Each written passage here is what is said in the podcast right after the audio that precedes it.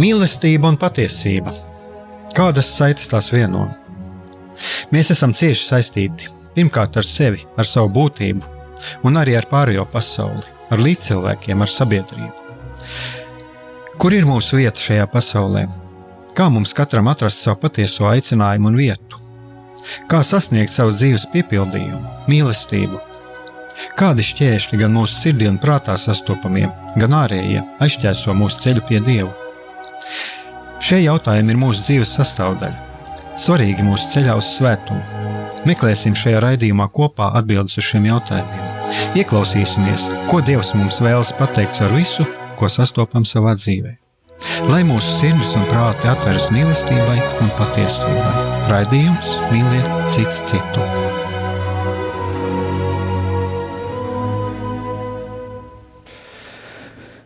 Kristus ir augšām cēlies, darbie radioklausītāji. Viņš patiešām ir augšām cēlies. Šis atkal ir raidījums Mīliet citu citu. Studijā esmu es, Aigārs Brikmanis, un es ceru, ka es esmu labi dzirdams, un arī tiem, kas skatās video, arī labi redzams, un būšu redzams arī, arī turpmāk un dzirdams. Uh, Un tātad šis raidījums mīlēt citu, studijā esmu Iesaigās Brikmanis, un šodien es atkal esmu viens, lai gan man tādas mazliet jau parādās domas par to, ko es varētu aicināt un par ko runāt, jo dažādi aktuāli temati ir, bet eh, šodienas temats man ir iziešana no mana kapa, iziešana katrā mums no sava kapa. Un e, tā ļoti interesanti sanācis, ka es e, pirms dažām dienām rakstīju e, lieldienu apsveikumus cilvēkiem, un, un tur man arī bija tāds, tāds aicinājums, ko es rakstīju, iziet no, iziet no kapa, un tad, kad es izlasīju šo tekstu, par to, ko ir runājis pāvests, es pat savā ziņā biju pārsteigts, jo būtībā pāvests arī runā par iziešanu no kapa. Un eh, atkal es atgādināšu, ka tas nav tāds mm, no manas puses, es tagad neskaidroju pāvesta domas, un es pat aicinātu, es pat aicinātu arī radio klausītājus Uh, lasot šādus tekstus, vai tie ir svētie raksti, uh, vai tas ir kādi citi teoloģiski raksti, un tiem pat nav jābūt uh, teoloģiskiem vai kaut kādiem tādiem nu, garīga rakstura tekstiem, bet arī ieklausīties kādreiz um, netik daudz tajā, ko runā, ko runā un mēģināt saprast, ko ar šo ir domājis pāvests, ko ar to ir domājis uh, svēto rakstu autors, bet arī ieklausīties, kā tas atsaucās uz mani pašu personīgi. Eh, kādas stīgas, ko tas iekustina manī un ko tas saka tieši man. Un tā tad eh, pievēršoties eh, pāvesta tekstam, Es, eh, man šeit ir priekšā izdrukāts tur rokā teksts, kur eh, uzrunā pirms lūkšanas, pirms lūkšanas Regīna Cēlī pāvests, mm, ko runāja 18. Eh, aprīļa pēcpusdienā, un pāvests runāja par bailēm un to izraisītajiem riskiem un jautājumiem, kā ar šīm bailēm tikt galā. Un uh, Tātad, ko saka pāvests? Pāvests saka, ka nebīsties, Jēzus zina, ka bailes ir mūsu ikdienas dzīves ienaidnieks. Kungs zina arī to, kāds ir mūsu baiļu iemesls. Mēs varam baidīties no nāves, baidīties pazaudēt savus tuviniekus, saslimt un tā tālāk. Taču lieldienās Jēzus uzvarēja nāvi. Tāpēc neviens cits nevar mums pārliecinošāk pateikt: nebīsties, kā Jēzus. Un tālāk, ko pāvests saka, izgājis kā uzvarētājs no kapa, Jēzus mudina mūs iziet no savu baiļu kapiem. Un uh, par, runājot par šiem kapiem, par šiem baiļu kapiem, es uh, arī mazliet pasēdēju pie datora un mēģināju tā salikt un saklasificēt ar tiem kapiem, ar kuriem nākās saskarties. Katram mums reiz pa reizē nākās saskarties, saskarties un, protams, arī man. Tā tad kapi. Bet vispirms es vēlos vēl vienai lietai pievērst uzmanību. Tas ir arī, ko būtu ļoti vērts mums eh, ieskatīties sevi. Tas ir tas, kā mēs pozicionējam, kā mēs pozicionējam sevi attiecībā uz dzīvi, kā mēs izmantojam tos avotus, kuri mums ir apkārt, kā mēs izmantojam savas maņas, kā mēs izmantojam arī informācijas avotus, kuri mums ir apkārt, ko mēs dzirdam no tiem, ko mēs no viņiem izlasām, ko mēs ielaižam sev sirdī un prātā. Tāpat arī, ko mēs ielaižam, kādus cilvēkus mēs klausāmies, ko mēs no cilvēku teiktā arī ielaižam sevī. Un patiesībā, ja mēs ieskatāmies arī savā dzīvē, tad vai nav tā, ka um, mums reizēm šķiet, ka apstākļi jau ir tie, kuri mums ieliek, mūs ieliek šajos uh, kapos. Un mēs kaut kādā ziņā uh, cenšamies uh, bieži vien sevi attaisnot ar to, ka nu, tādi ir apstākļi. Un, protams, ka te nevajag iet galējībā un sākt uh, iet otrā galējībā un mēģināt uh, sevi ar varu, ar varu izmest no šiem kapiem, no, no, tiem, no, no tā, kas. Uh, no tām sekām, kuras, kuras ir mūsu, uz mūsu šīs dienas dzīvi, atstāja kaut kādi iemesli. Protams, te nav, es nerunāju par to, ja tā attaisnošana ir tā, ka man šķiet, mēs arī kādreiz, kad mēs ar Jānu Jākapsonu šeit runājām par to, tā attaisnošana ir eh, dzīvošana kaut kādā veidā neveselīgā komfortā. Un uh, arī ciešanu stāvoklis var būt komforts, jo tas mums noņem, mēs ar to noņemam no sevis atbildību paši par savu rīcību. Lūk, tas ir tas, par ko es šeit uh, gribu parunāt. Tā tad vai nav tā, ka mēs, ka mums reizēm šķiet, ka, ka, jā, ka mēs uh, jūtam, ka šie apstākļi mums šķiet, ka šie apstākļi ir ielikuši mūs šajos kapos. Un mēs mēģinām arī kaut kādā ziņā sevi mierināt un attaisnot, jo tāda ir mana dzīve, tā man ir gājis, tā man ir gājis bērnībā, tā man ir nodarīts pāri, tā es esmu audzināts, tādā sabiedrībā es esmu audzis, un tur neko nevar darīt. Un tātad ir dažādu baiļu, bieži vien arī aizspriedumu un melu un atkarību kapi. Tātad šie kapi nav tikai vien bailes, bet arī dažādi aizspriedumi, meli, atkarības, un mēs varam mēģināt tur atrast tam attaisnojumu. Tātad ieklausīsimies sevi, kas tad ir šie mūsu kapi, kuros mēs uh, jūtamies varbūt šodien tieši tagad, šajā brīdī, iesprostoti.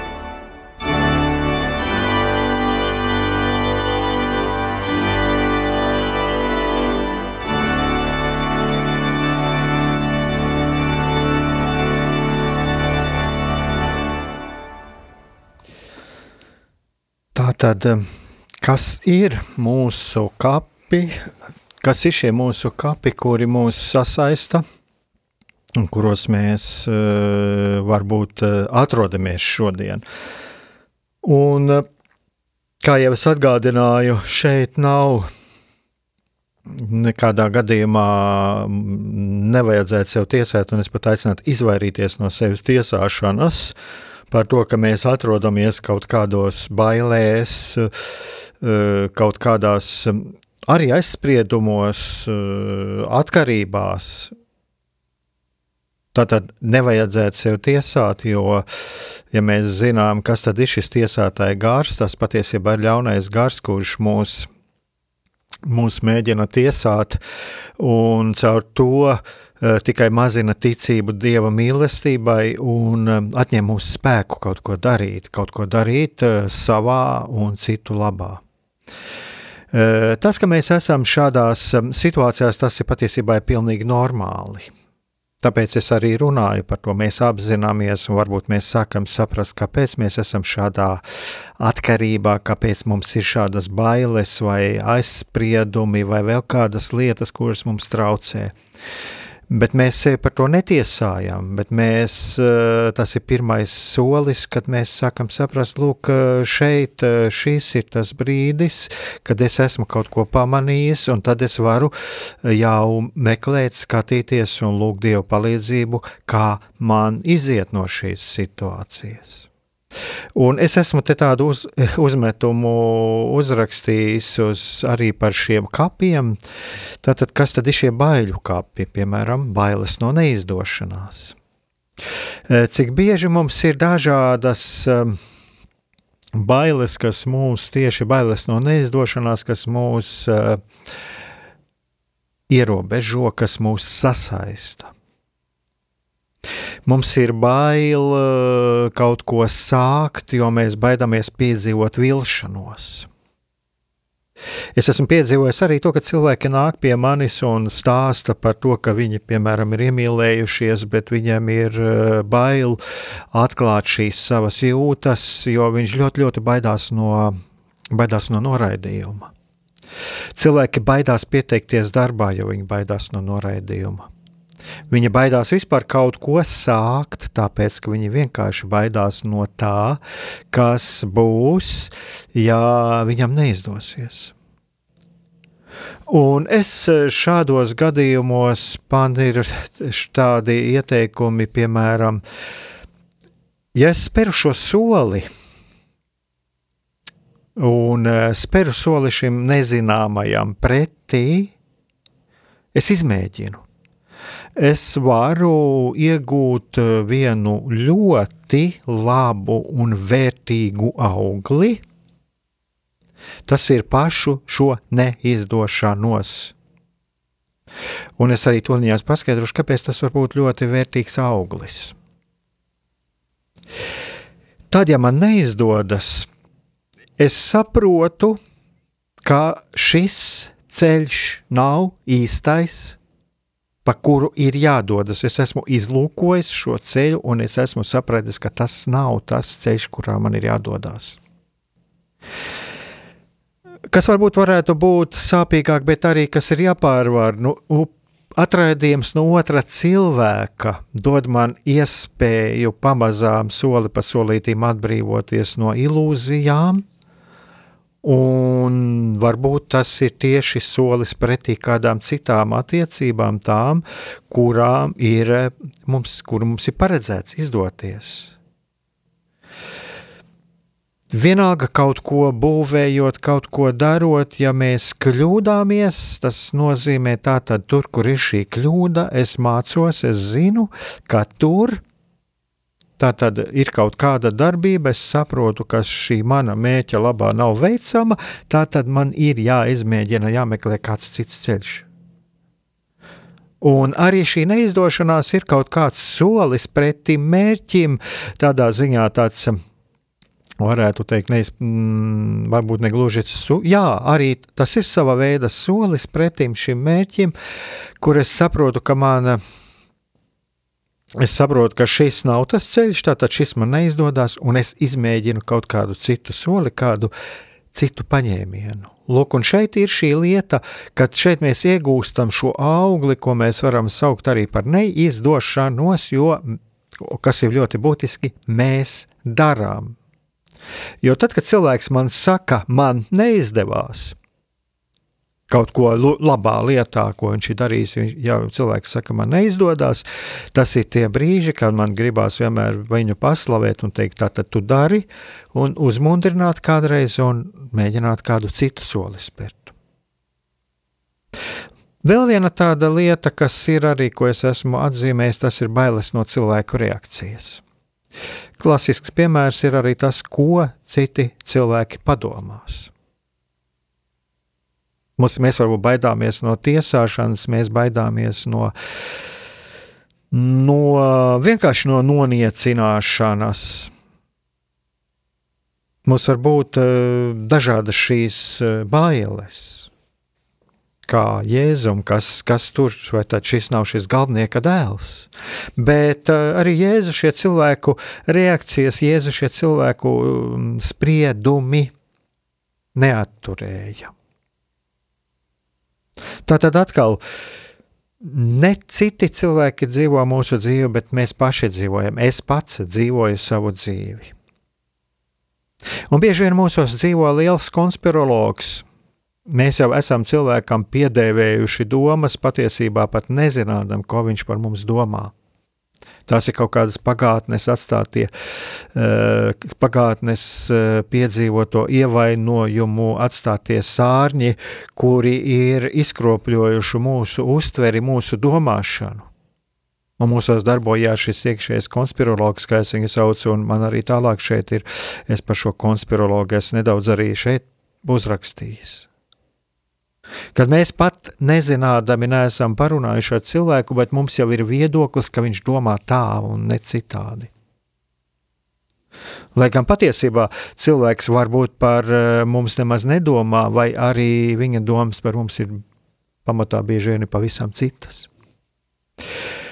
Un vēl viena ļoti svarīga lieta, tas ir bailes no nākotnes, un es arī šeit lietoju šo vārdu iekšējie konspirologi.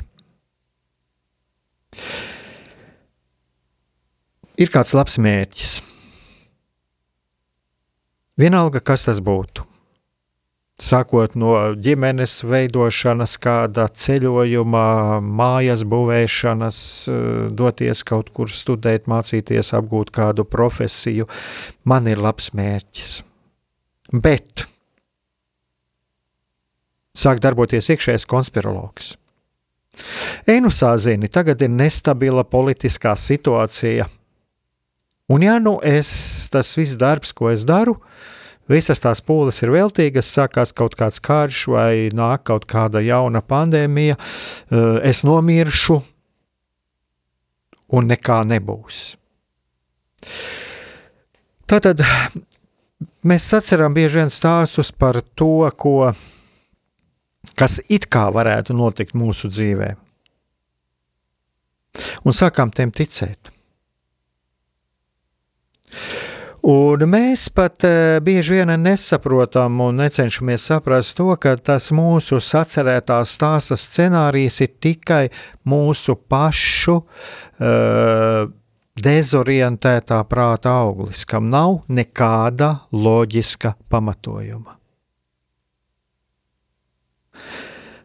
Tas ir līdzīgi kā rakstnieks, kad piesēžās un saraksta stāstu, kaut kādu futuristisku romānu. Viņš taču nedomā, ka tas notiks tieši ar viņu. Bet šie stāsti, kas ir mūsos pašos iekšā, viņi pēc būtības ne ar ko neatšķiras no šīs rakstnieka fantāzijas. Viņiem nav reāla pamata. Jo patiesībā jau mēs nevaram paredzēt to, kas notiks ne pasaulē, ne arī mūsu pašu dzīvēm. Tieši šī iemesla dēļ arī konspirācija teorijas ir tikai stāsti, eh, pasakas eh, cilvēku maldināšanai. Bet bieži vien šāds iekšējais konspirologs sēž mūsos pašos, kas mums atņem enerģiju, atņem spēku, jo mēs dzīvojam bailēs, mēs dzīvojam no bailēs, no nākotnes. Bet šīm bailēm nav nekāda loģiska pamata.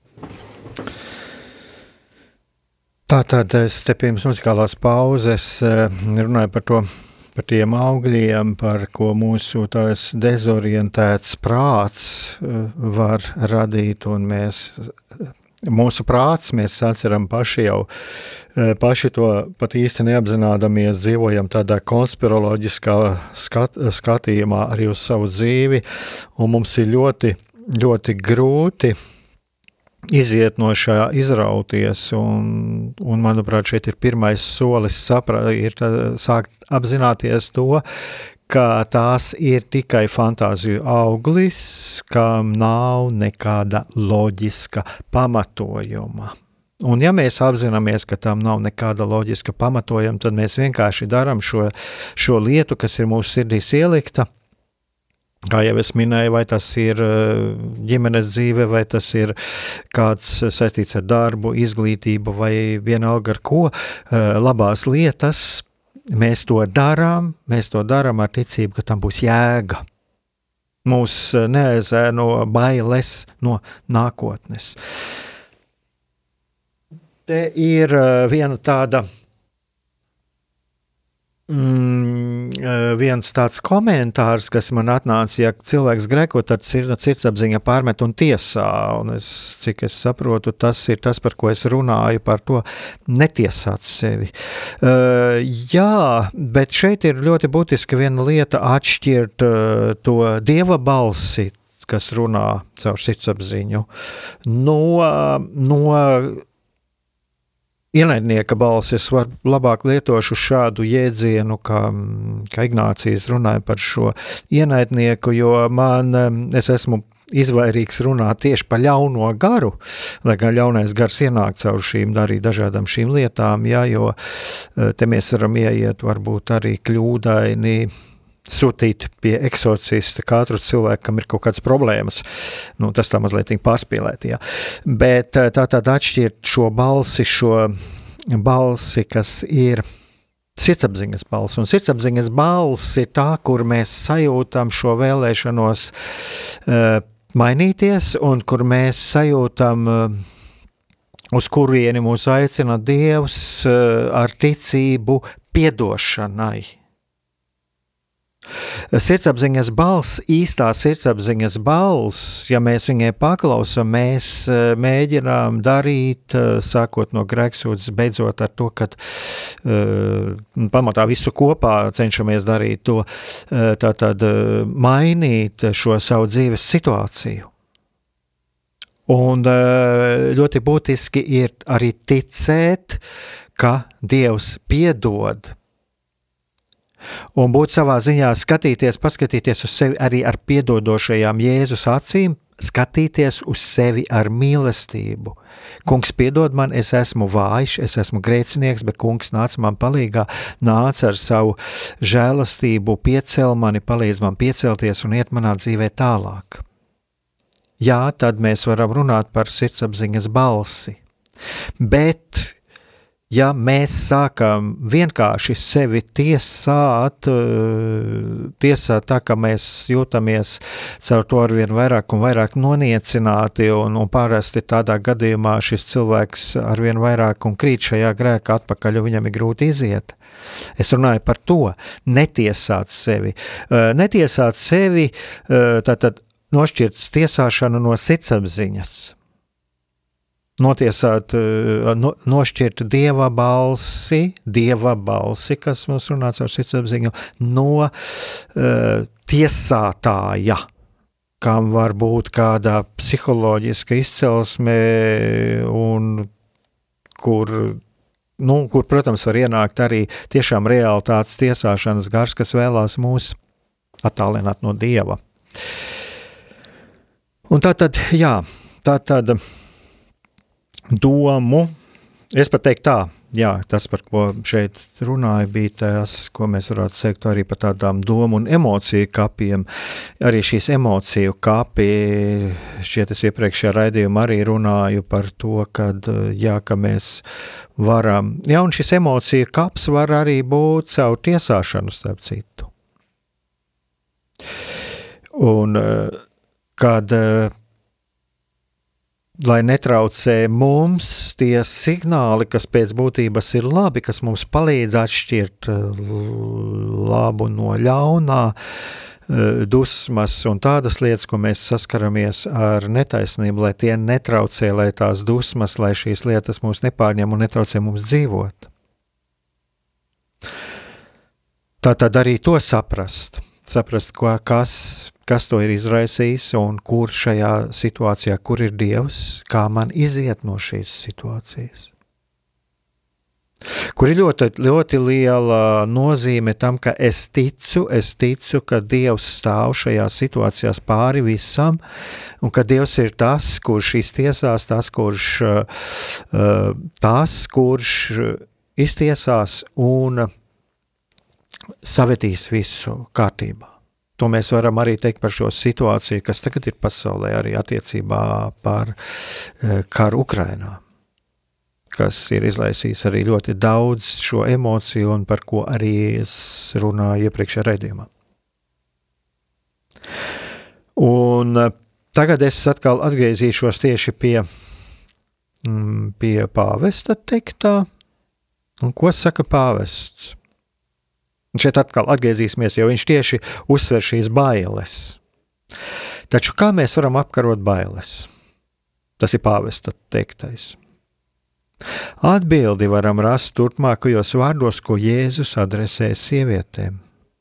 Viņš sacīja: Ejiet, paziņojiet maniem brāļiem, lai viņi dodas uz Galileju. Tur tie mani redzēs. Iet un pasludināt. Bailes vienmēr mūs ieslēdz sevī. To pretī Jēzus liek mums iziet un sūta mūs pie citiem. Lūk, risinājums. Un eh, šeit ir dažos teikumos pāvests arī sniedz šo atbildi par to, kā iziet no šīm bailēm. Jo viena lieta jau ir, es saprotu, un es lūdzos, un, un protams, ka mēs arī kādreiz varam palīdzēt sev, gan um, lūdzoties, uh, atpazīstot šos, uh, arī šos uh, savu baļu cēloņus, bet iet, iziet ārpus, iziet ārpus savas mājas, iziet ārpus arī tā, ko es saucu arī par šo ciešanu komfortu, Nu, protams, tad, kad cilvēks jau ir apzinājies un viņš vēlās iziet, viņš saprot, ka tas eh, komforts, šis ciešanu komforts nav nekas labs. Un arī šīs bailes nav nekas labs. Tā tad iziet pie citiem. Un uh, Es esmu pats to kādreiz savā dzīvē piedzīvojis, jo man liecinājuši arī cilvēki, tad, kad es esmu sasaistīts kaut kādas, jūtos nedrošs, man ir kaut kādas uh, depresīvas izjūtas, kaut kas mani nomāc, kādas domas. Pietiek tikai iziet ārpus uh, mājas vai dzīvokļa durvīm, dzirdēt putnus vai vienalga vai vienalga kāda laika apstākļi, pamainīt vidi – Un sajūta tāda, ka eh, tas viss, tas spēlēkais, tas mm, drūmais, tas viss atkāpjas. Un otra lieta, kas ir eh, arī tas, kad būt, būt kopā ar cilvēkiem. Cik ļoti palīdz arī, piemēram, man pašām tās eh, kristīgās dzīves kopiena vai evanģelizācijas šūniņa, kuras darbojos, cik ļoti man palīdz tikšanās ar cilvēkiem, kad bieži vien pat cilvēks atnāk pie manis ar savu rūpi, un eh, kad saruna beidzās, es eh, sajūtu, ka es esmu pats sevī kaut ko atrisinājis. Caur šo ir Dievs palīdzējis man kaut ko pašam sevī atrisināt, kaut kādu lietu, kas šķita grūti atrisināma pirms tam. Tā tad iet, spērt pirmo soli. Un uh, es atkal varu padalīties tikai ar tādu savu pieredzi, ko es esmu sev uzlicis uh, tādu motīvu, ka paskatīties uz savu dzīvi kā uz tādu ļoti interesantu eksperimentu ieklausīties iekšā, ieklausīties savās izjūtās. Un šis eksperiments ir arī tās, gan šīs, pie šī eksperimenta pieder gan šīs nepatīkamās izjūtas, gan arī patīkamās. Pie šī eksperimenta pieder arī neizdošanās, un, protams, arī tie brīži, kad izdodas. Un pamēģināt iet arī šādā, šajā savā dzīvē iekšā kā tādā eksperimentā, tādā interesantā eksperimentā. Es spēršu soli, es spēršu soli tur, kur es jūtu Dievu, tur, tojā virzienā, kur Dievs mani aicina. Un būs interesanti, kas man iznāks. Kas man iznāks? Vai tas būs šis solis, kas ir man ejams, vai varbūt kaut kāds cits? Worthy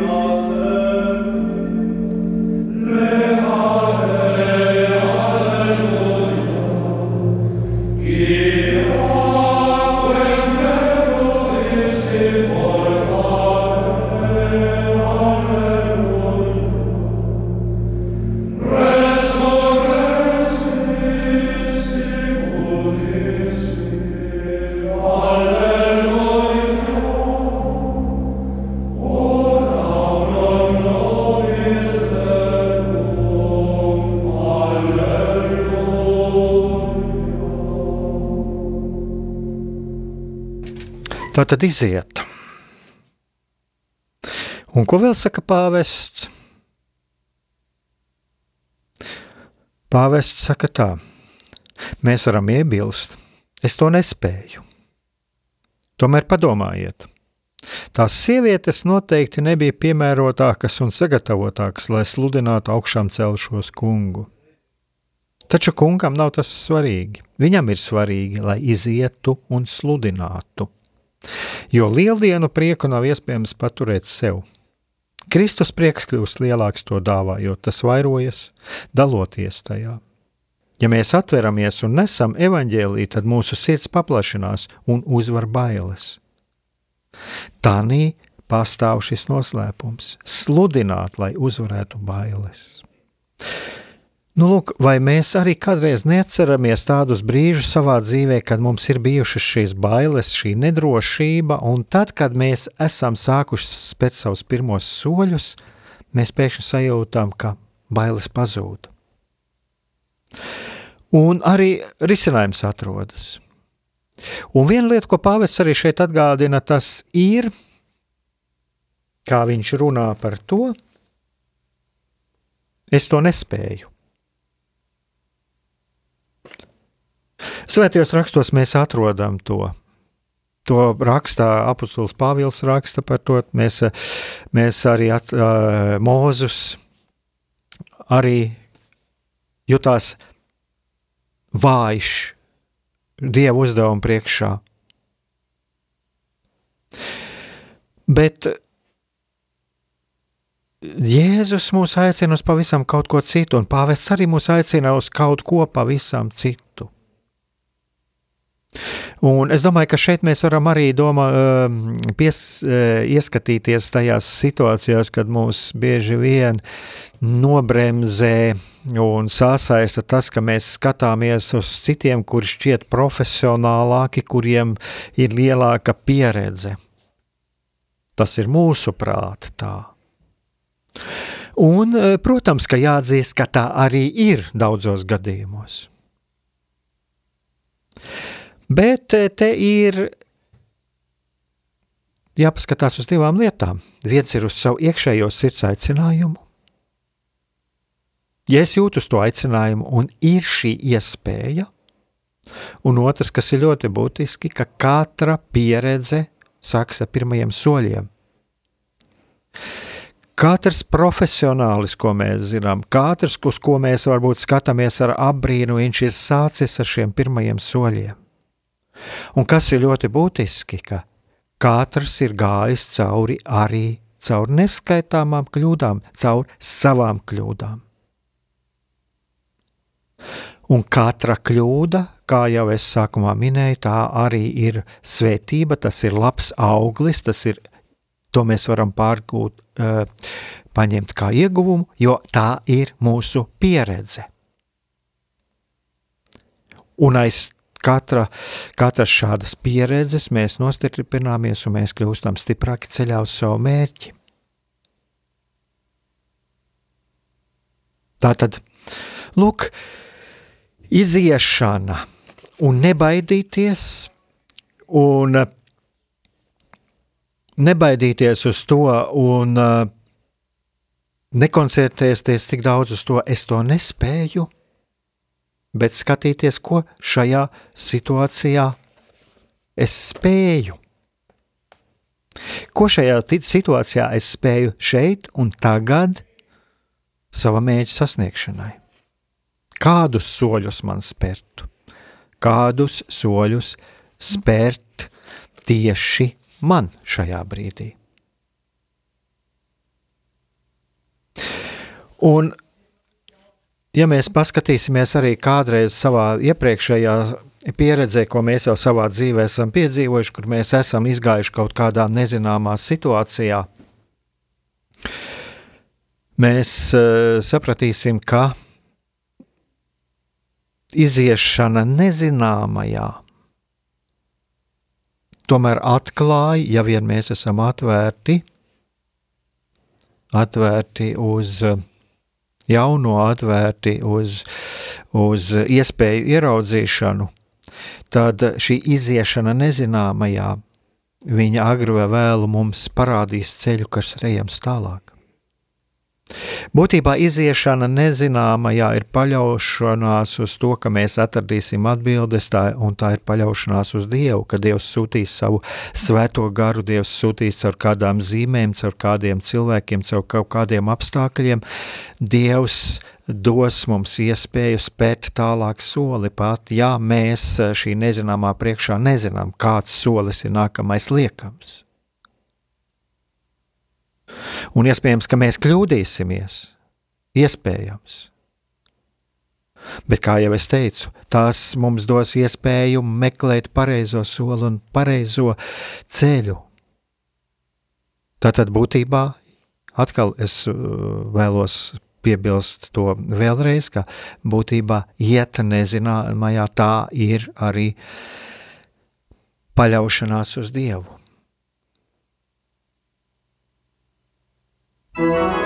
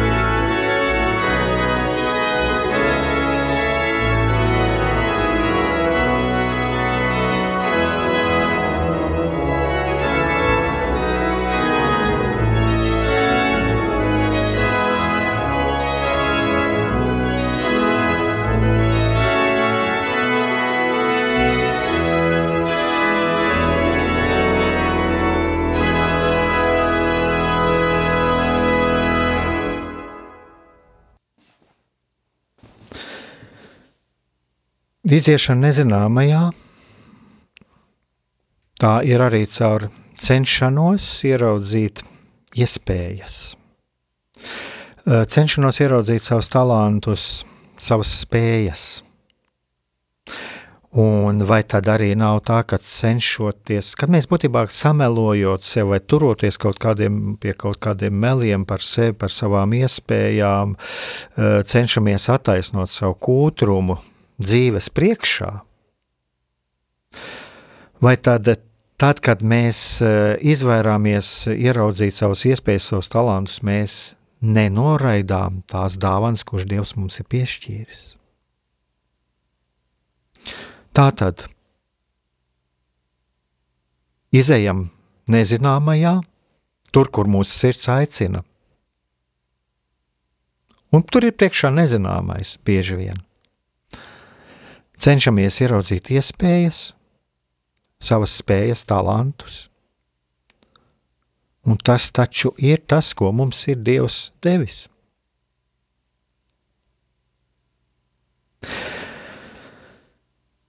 Un noslēgumā tātad es vēlos pateikt arī par, par šo augšām celšanos. Mums ir lemts piedzīvot augšām celšanās prieku, Un lai kas notiek apkārt pasaulē, mūsu pašu dzīvēs, mēs esam radīti, lai augšām celšanos, lai būtu kopā ar Jēzu.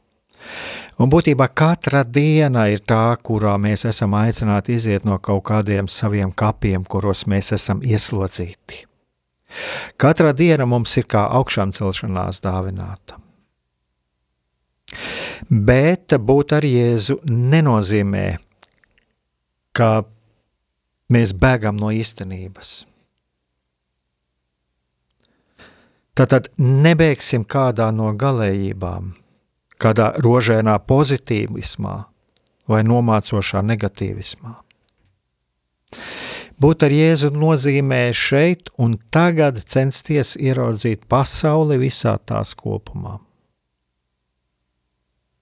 Pat ja pasaulē notiekošais mums šķiet biedējošs, un ja mēs tur tiešām ieraugām daudz ļaunuma, un ka tur ieraugām daudz, kas mūs biedē, bet ieraudzīt šajā biedējošā īstenībā to, kas paver ceļu, kas dod iespēju tā, lai es sajustu un redzētu jēgu manai dzīvei. Tātad, lai kas būtu, ar atvērtu sirdi, ar atvērtu prātu, ar atvērtām maņām skatīties, kur ir iespēja šajā situācijā. Un tātad sakārtosim savas domas, atvērsim savas sirdis un maņas un ieklausīsimies, ko tad mēs tur sajūtam. Vai tajā īstenībā un visā tās īstenības pretrunīgumā ieraugam kādas iespējas savā dzīvē? Kādu ceļu, kas padara labāku mūsu pašu un mūsu līdzcilvēku dzīvi? kur par kādu virzienu domājot, mūsu sirds straujāk eh, iepukstas un eh, kur mēs sajūtam mierinājumu un tādu kā prieka sajūtu. Kādā virzienā sirds dziļumā jūtam aicinājumu. Un tur, kur ir šīs mūsu iespējas patiesi labās lietās, tur, kur sajūtam sirdī aicinājumu doties, tur arī ir Jēzus. Un tur ir izēja no mūsu domu un sirds kapiem. Tur ir mūsu augšām celšanās.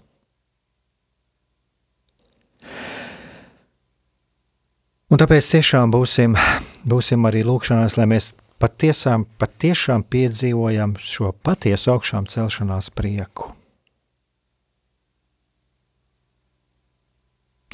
Un noslēgumā arī vēl novēl, no, novēlu tiem, kas arī cīnās šobrīd par mūsu brīvību. Un ka patiesībā arī es ceru, es ceru, ka šiem politiskiem notikumiem arī notiek kāda liela augšām celšanās visai pasaulē, kur pasaule pēc visām tām, pēc visa tā, kas tagad notiek, ka pasaule būs labāka. Arī lūksimies par to. Slava Ukrainai un slava Ukrainas varoņiem!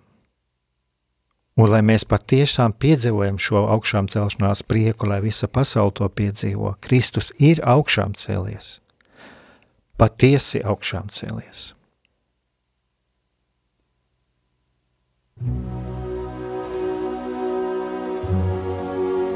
Mīlestība un patiesība. Kādas saites tās vieno? Mēs esam cieši saistīti pirmkārt ar sevi, ar savu būtību, un arī ar pārējo pasauli, ar līdzcilvēkiem, ar sabiedrību. Kur ir mūsu vieta šajā pasaulē? Kā mums katram atrast savu patieso aicinājumu un vietu? Kā sasniegt savas dzīves piepildījumu, mīlestību? Kādi šķēršļi gan mūsu sirdī un prātā sastopamie, gan ārējie aizķēso mūsu ceļu pie Dieva? Šie jautājumi ir mūsu dzīves sastāvdaļa, svarīgi mūsu ceļā uz svētumu. Meklēsim šajā raidījumā kopā atbildes uz šiem jautājumiem. Ieklausīsimies, ko Dievs mums vēlas pateikt ar visu, ko sastopam savā dzīvē. Lai mūsu sirds un prāti atveras mīlestībai un patiesībai, raidījums mīliet citu citu.